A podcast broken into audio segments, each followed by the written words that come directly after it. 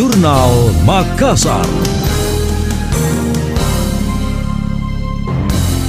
Pelataran Masjid Kuba 99 Asmaul Husna yang berada di kawasan Center Point of Indonesia CPI akan menjadi salah satu lokasi pelaksanaan sholat Idul Fitri 1443 Hijriah. Kepala Biro Kesejahteraan Rakyat Kesra Setda Sulsel, Andi Iqbal Najamuddin mengatakan pemilihan pelataran Masjid 99 Kuba sebagai lokasi sholat id telah melalui beberapa pertimbangan. Salah satunya yakni adanya sunnah tentang keutamaan salat id di lapangan terbuka. Iqbal mengaku mengaku kapasitas pelataran Masjid 99 Kubah dapat menampung ribuan jamaah. Bahkan jika memungkinkan, pihaknya akan memperluas hingga ke Lego-Lego. Jadi rencananya itu di pelataran masjid depan, eh, sekaligus mungkin kalau jamaah banyak mengambil Lego-Lego dari rencana di situ ya. Jadi pelaksanaannya kita ikuti jadwalnya pemerintah. Ya persiapannya sudah ada semua. Mengenai khatib sudah ada. Lokasinya kan sudah jelas.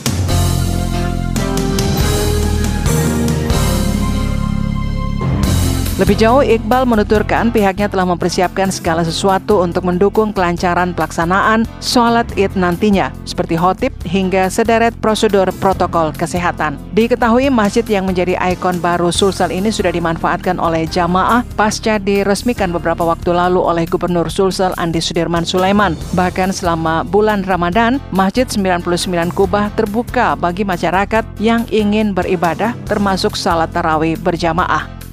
Anda masih mendengarkan Jurnal Makassar dari Radio Smart FM.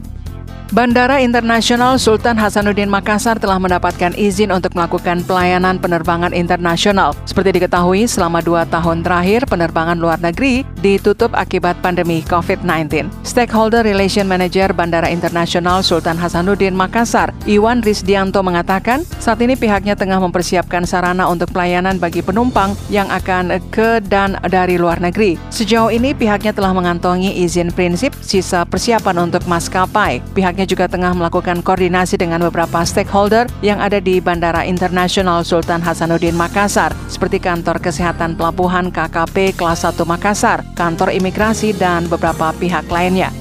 Internasional sudah dibuka, namun kami masih melakukan persiapan uh, untuk uh, maskapainya dan juga stakeholder lainnya seperti KKP, kemudian imigrasi dan juga menyiapkan alur kedatangan daripada penumpang-penumpang dari internasional ini. Mudah-mudahan bulan-bulan ini atau pertengahan atau akhir bulan ini ada penerbangan. Nanti kita akan sampaikan kalau sudah memang pasti ada penerbangan ke luar negeri.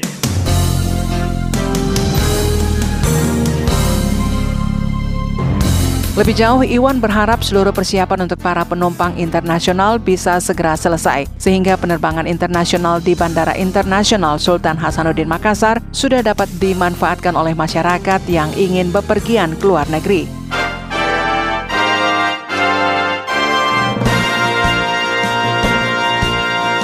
Demikian tadi, Jurnal Makassar.